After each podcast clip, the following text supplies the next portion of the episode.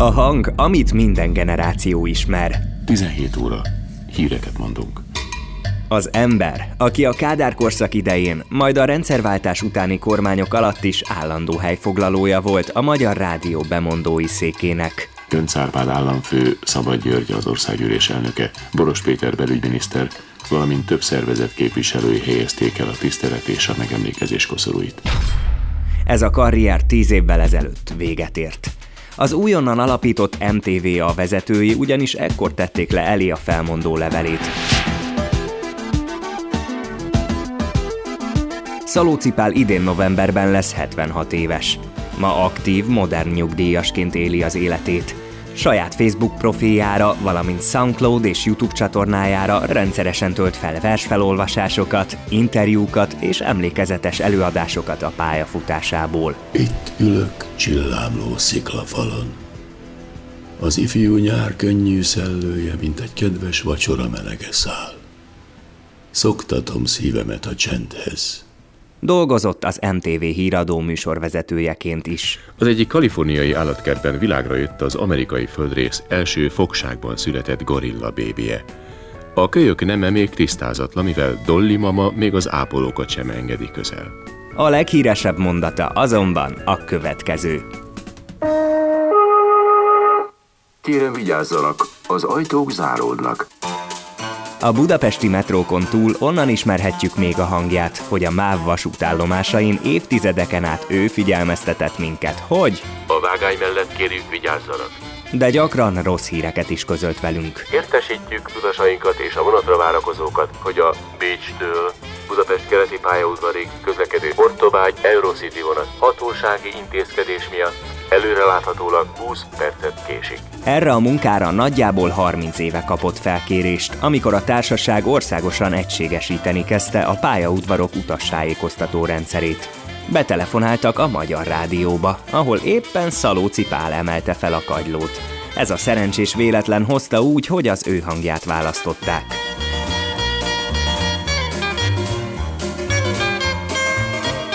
És hogy miért nem őt halljuk már az állomásokon? Milyen út vezetett oda, hogy az ország egyik legelismertebb bemondója legyen? Mekkora nyomás volt azokon, akik a szocializmusban rádióztak? Ezekről beszélgetünk azonnal. Gyerünk! A Flashpedíció bemutatja. Nem menned már a nobna? Azt mondanád? Fogd meg De nem meredsz, tényleg A világot idézem. Majd akkor fontos lesz.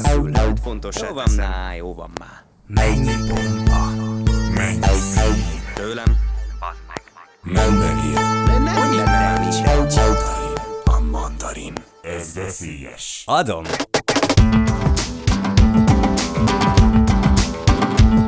A Flashpedíció bemutatja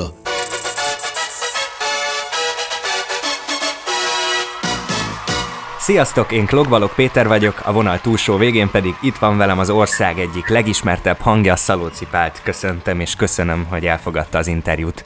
Én is köszönöm szépen a meghívást, és nagy örömmel. Szalóci úrral nagyon sok mindenről lehetne beszélgetni, de most én inkább egy ilyen olyan irányból közelítem meg az ön életútját, hogy én itt vagyok 23 éves fiatalként, pályakezdőként, aki a médiában próbált már elhelyezkedni az elmúlt években, valamilyen szinten sikerült is, és ez a tervem a jövő évre is, és egy olyan párhuzamot szeretnék vonni, hogy Szalóci Pál hogyan látja az akkori média helyzetet, amiben ő volt fiatal, és hogyan látja a mostanit, és hogy mit tud javasolni egy mai pályakezdő fiatalnak.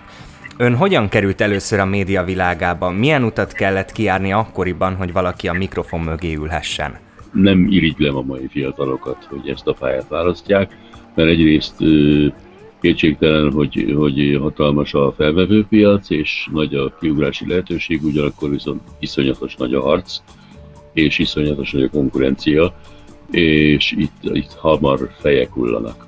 A mi időnkben ez itt nem így volt, azért a média világa eléggé szűk volt, ugye nem volt még ez az iszony, iszonyatos nagy kitekintés a világra, hanem volt egy magyar televízió, volt egy magyar rádió, és ott azért más volt a helyzet. Kétségtelenül nagyobb is volt a nimbusza, mert hogy az volt a, és aki oda bekerült, az nem volt könnyű, hogy bekerüljön, viszont ha már bekerült, akkor, akkor az egy, az egy nagyon nagy rangot jelentett. És ön hogy került be? Én véletlen útján kerültem egyébként oda, nem voltak ilyen elképzeléseim, tulajdonképpen az elképzeléseim nagyon homályosak voltak ilyen hasonló koromban. Kezdtem barátkozni a előadó művészet és, a, és az éneklés és a szereplés világával, mert hogy én akkor már kiderült, hogy egy elég jó hangom van, énekhangban is, és apám operaénekest akart belőlem faragni, de végül is operát is tanultam, de nem jutottam már a végére, mert volt egy egyetemi énekkar, amelyik akkor világhírű volt. Amerikában jártunk 1972-ben, ami egy óriási dolog volt. Innen alakult egy spirituári együttes, amelyik az 1968-as kimét tudom gyakorlatilag nyert, Na és innentől kezdve volt sok szereplési lehetőség, az, az belejárt a Kimi tud győzelemmel, éveken keresztül szerepeltünk az együttessel nagyon sok helyen, és a rádióban is megfordultunk. Én elsőként a Magyar Rádióban, amely aztán gyakorlatilag a nyugdíjamig a főmunkahelyem volt, énekesként léptem be a kapun, és aztán nem tudtam, hogy majd egyszer ez lesz az életem. De ollakse múrin, múrin, múrin, de ollakse múrin, den ainge home. Hey, de ollakse múrin, de múrin, de múrin, de ollakse múrin, den ainge home. Ollakse múrin, de múrin, de múrin, de ollakse múrin, den ainge home. De ollakse múrin, de ollakse rock, de ollakse landed on the mountain top. Hey, ollakse múrin, de múrin, de múrin, de ollakse múrin, den ainge home. Relax and move and move it and move it and relax and move and I go home. See that sister on the sofa. She ain't got a Jesus in her mind. Relax and move it and move it and move it and relax and move and I go home. Relax and move it and move it and move it and relax and move and I go home. See that sister on the sofa. And that's gonna come for to carry him away. Relax and move and move it and moving in the Olax, a moving in the going home. Olax, a moving in the in the moving in the Olax, a moving in the going home.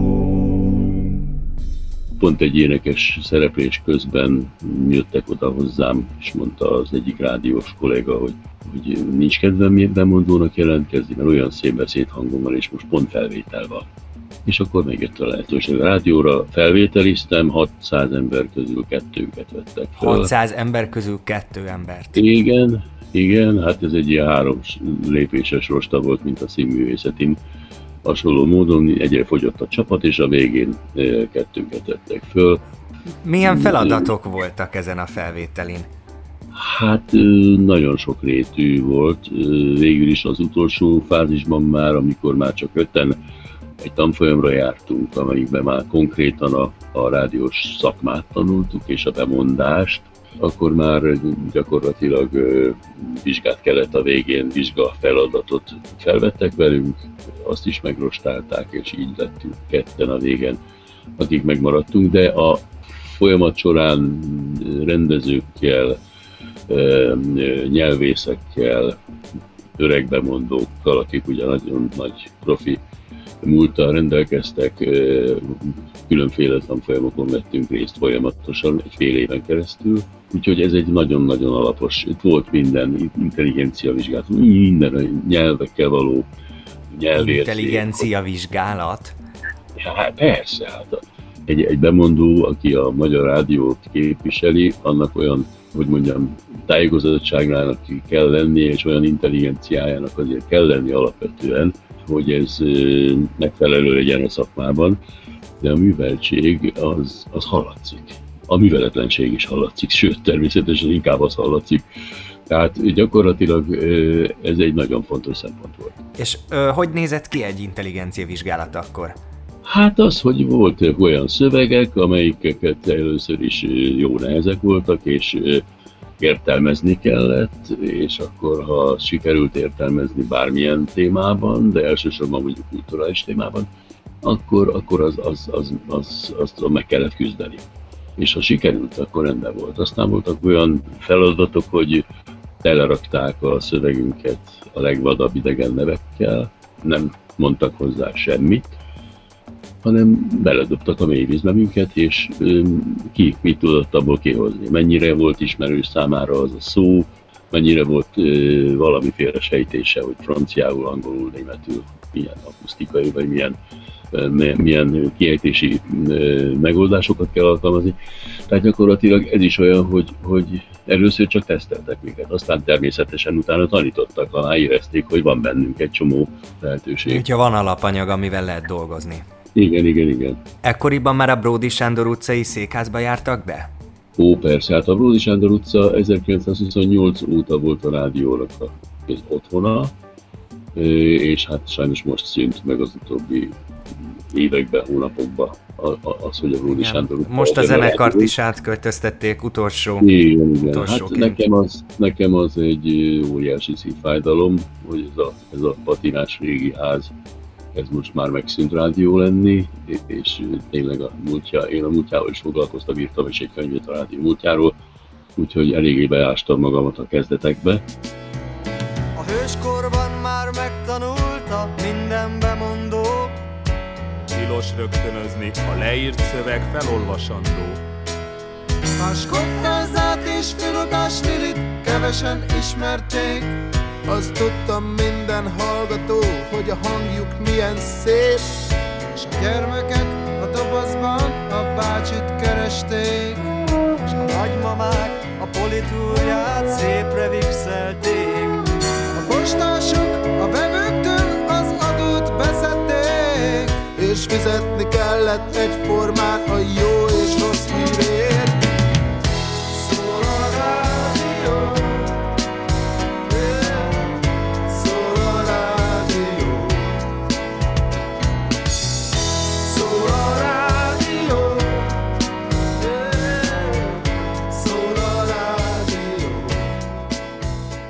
és ez el is döntötte aztán az életemet, mert innentől kezdve abba hagytam az operatanulást, nekijentem a rádiónak, gyakorlatilag az, a diplomám után az első e, munkahelyem az a Magyar Rádió volt, és onnan ment a nyugdíjba, mint főállású.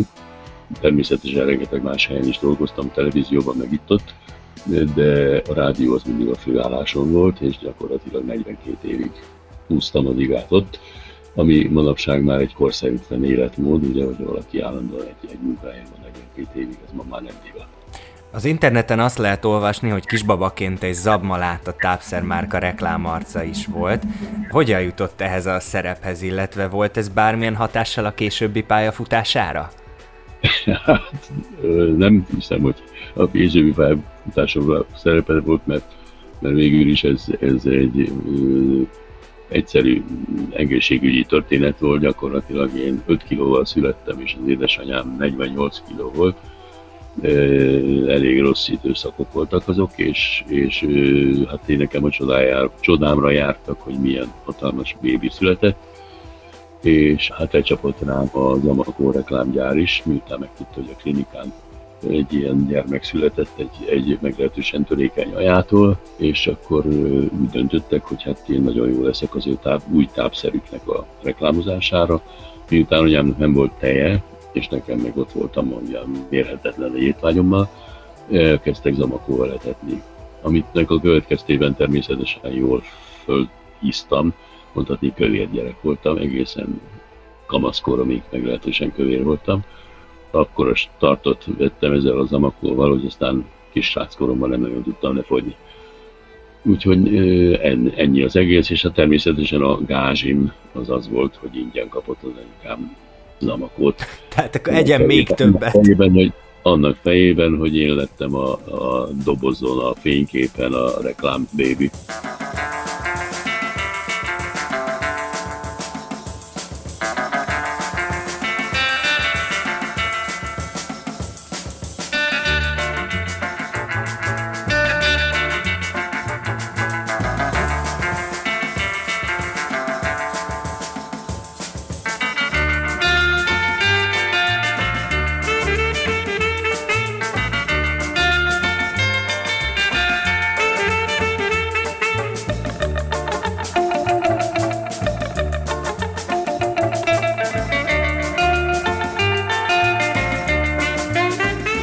Térjünk egy kicsit vissza arra az időszakra, amikor ön volt rádiós. Az élete nagy részét, vagy legalábbis jelentős részét az előző politikai rendszerben élte le. Mennyire érezte szabadnak a munkáját az akkori Magyar Rádióban? Én már abban a korban kerültem oda, hála Istennek 70-es évekről beszélünk, amikor ö, már lényegesen ö, változott a légkör, és már csak hírét hallottam annak, hogy annak idején milyen drill volt a rádióban dolgozni. Mi már, mi már ennek csak a utolsó maradékait éreztük. Mondom, volt ilyen ellenőr, aki mellettünk a harmadik fülkében, szintén üveggaliszkába azért volt ott, hogy figyeljen, de ugyanakkor azért is volt ott, hogy nekünk a rendelkezésünkre bocsássa az éppen aktuális anyagokat, tehát jó hozta oda a híreket, és hozta be nekünk. Itt fel kellett tenni a, lábunkat a stúdióból, hogyha be voltunk osztva egy, egy periódusban, de mindent talán tettek. De ezek Jött ez az űrge, és akkor mondta, hogy na ezt mindenképpen kell mondani a rádióban, mert föntről ez az utasítás jött. Igen, és hát ő, ő arra is vigyázott, hogy én nem mondjak esetleg olyat, ami, ami nem odaillő, mert akkor ő neki rögtön jelenteni kell. Volt ilyen? ilyen? Volt, volt, de én nagyon az elején. Tehát nagyon az elején. Na, nem velem, velem olyan, hogy hál' Istennek van sok botrányos dolog nem volt, de az elején volt ez egy idő után, aztán ez szépen kikopott, és én abba a periódusába kerültem a rádiónak, és ez valami vakvéletlen szerencse megint, hogy amikor hirtelen kirobbant a rádióban a, a jóval előbb, még a rendszerváltás megelőző szelek a rádiót érintették szinte elsőként. Tehát gyakorlatilag a rádió többet megengedhetett magának, olyan vezetői voltak, hála Istennek, akik, akik mindent kiarcoltak az illetékes pártközpontban, hogy ne ne érjen minket atrocitás semmiért, és egyre bátrabbak tudtunk lenni, egyre többet elfogadtak tőlünk, egyre nyíltottabb volt a rádió, és a végén a rendszerváltáshoz felfuttatott 80-as évek közepén már gyakorlatilag az egész ország a rádiót hallgatta,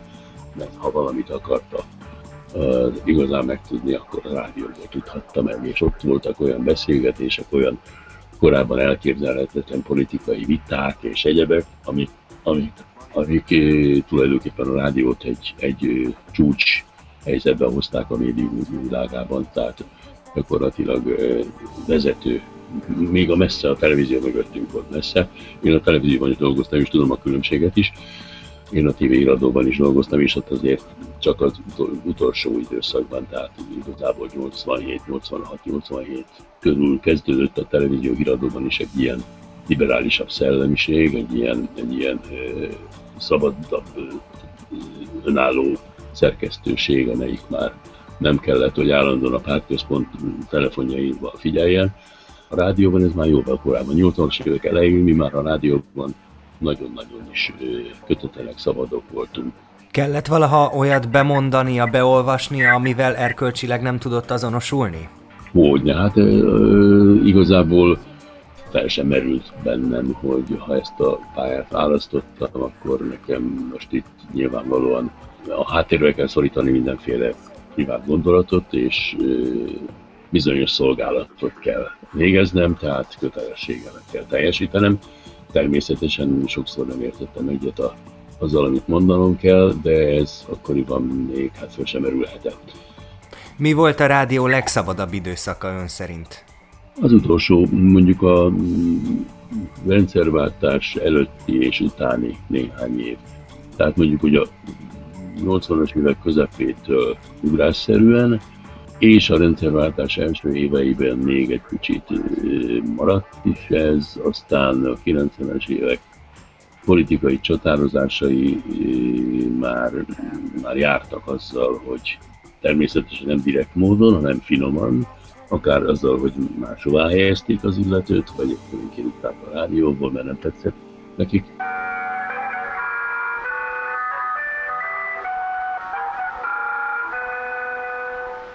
Kossuth Rádió Budapest híreket mondunk. Dunk, dunk.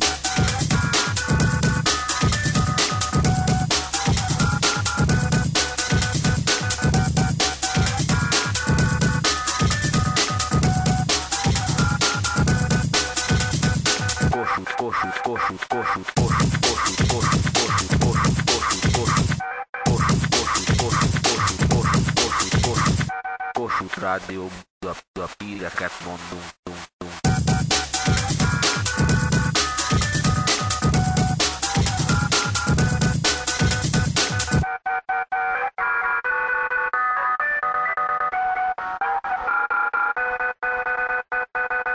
A média azóta teljesen megváltozott, gyökerestül átalakultak a fogyasztási szokások és a tartalmak stílusa is. Mi az, ami szimpatikus önnek a 21. századi médiában, és mi az, ami nem?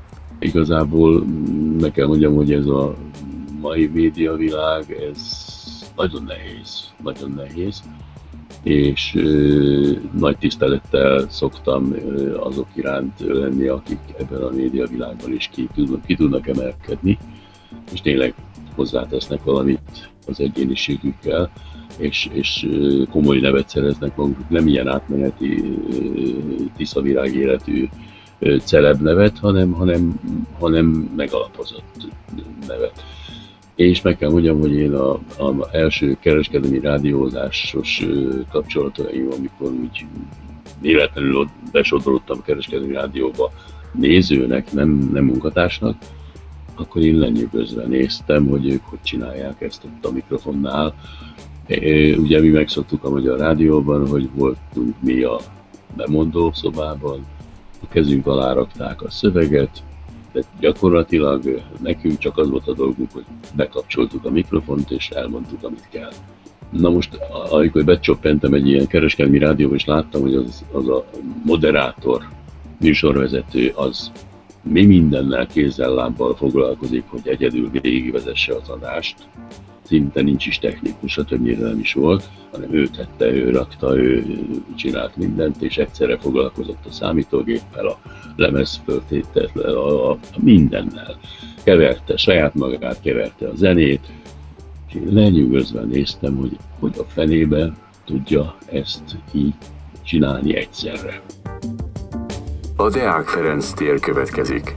Átszállhatnak az M1-es és az M2-es metróra. Azért az ön hangját mégiscsak a legtöbben a pályaudvarokról és a budapesti metróból ismerik. Sajnos a legtöbb magyarországi pályaudvaron már nem az ön hangját halljuk, de a metróban még most is, és ahogy hallom, olvassa fel a frissített szöveget is, tehát például, hogyha átneveznek egy megállót, akkor, akkor egy napon belül már Szalóci Pál hangján az új megálló nevét halljuk. Ezt meddig szeretnéd csinálni? Hát ezt addig csinálom, ameddig kell, de az igazság az, hogy ez igazából ez egy látszólagos folyamatos munka, mert én ezt annak idején hosszú évekkel ezelőtt fölvettem. Vannak ilyen aktualizált szövegek, amiket itt éppen az előbb is említett, Ezeket néha-néha elővesznek és akkor felvesszük, de ezek már ilyen évente 5-ször, 6-szor, 7-szer előforduló felvételek, plusz felvételek. Az alap szöveget azt én egyszer fölvettem, ugye az kisebb változások, ugye ott is voltak, ugye mondta állomások változásai, de azokat én fölvettem, aztán megy. Hogyha én azt úgy kaptam volna hányszor gondoltam rá a fizetésemet ezért, a honoráriumomat, hogy mondjuk szavanként egy fillér, akkor már sokszoros milliómos lennék, de nem úgy kaptam le, amikor felvették velem a szöveget, akkor kaptam egy bizonyos összeget, és aztán az már örökre az övéké, és örökre használhatják. Nem egy jó üzlet. A MÁV-nál már nem fog visszatérni a hangja?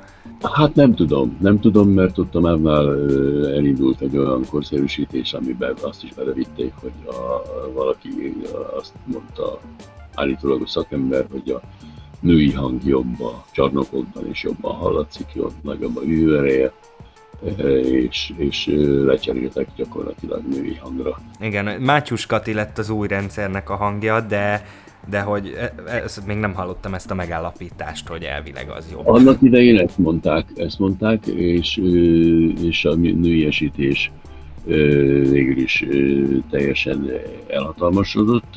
Én nekem lehet, hogy csak a engem kedvelők állítják azt, hogy nagyon szeretnék, ha újra jelennék, de hát nekik nem tetszik a Mátyus Kati szegény, engem szeretnének, de hát ez nem rajtam múlik. Én aláírok petíciót, hogyha kell. Jó. Nagyon szépen köszönöm Szalóci Pálnak, igazán nagy megtiszteltetés, hogy beszélgetett velem. Nagy szó így 20 évesként egy ekkora ikonnal beszélgetni. Jaj, nem kell fényezni, én meg örülök, és, és sok sikert kívánok a továbbiakban. Köszönöm önnek, pedig akkor további jó, aktív, nyugdíjas évek időtöltését kívánom, és szép napot. Remélem. Köszönöm szépen, minden jó. Kérjük kedves utasainkat, hogy szíveskedjenek elhagyni a vonatot, és erre figyelmeztessék utastársaikat is. Viszont látásra! Amikor még húsz éves az ember, dal fakad az ajkán, nem panasz, az éveket még zsugorgatni nem kell, s hogy édes még az illatos tavasz. Húsz éves vagy, Istenem, de szép is, tárt karokkal vár a nagy világ. Május van és néked kék az ég is, mint tiéd a harmatos virág. Húsz éves vagy, s mindezt meg se látod, úgy szeretnél felnőtt lenni már. Ne kergessed el az ifjúságot, hisz úgy is elszáll, siettetni kell. Ma még talán nagyon szeretsz, de ifjú már sosem lehetsz. Öreg fiú, húsz éves már sosem lehetsz.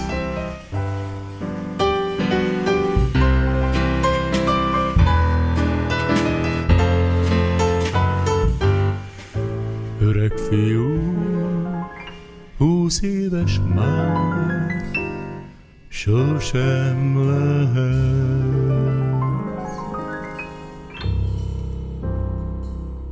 A Flashpedíció bemutatja.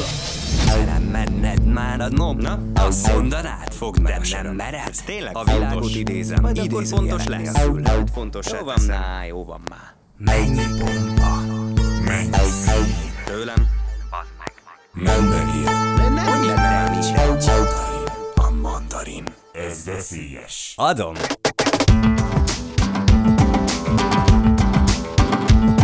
A Flashpedíció bemutatja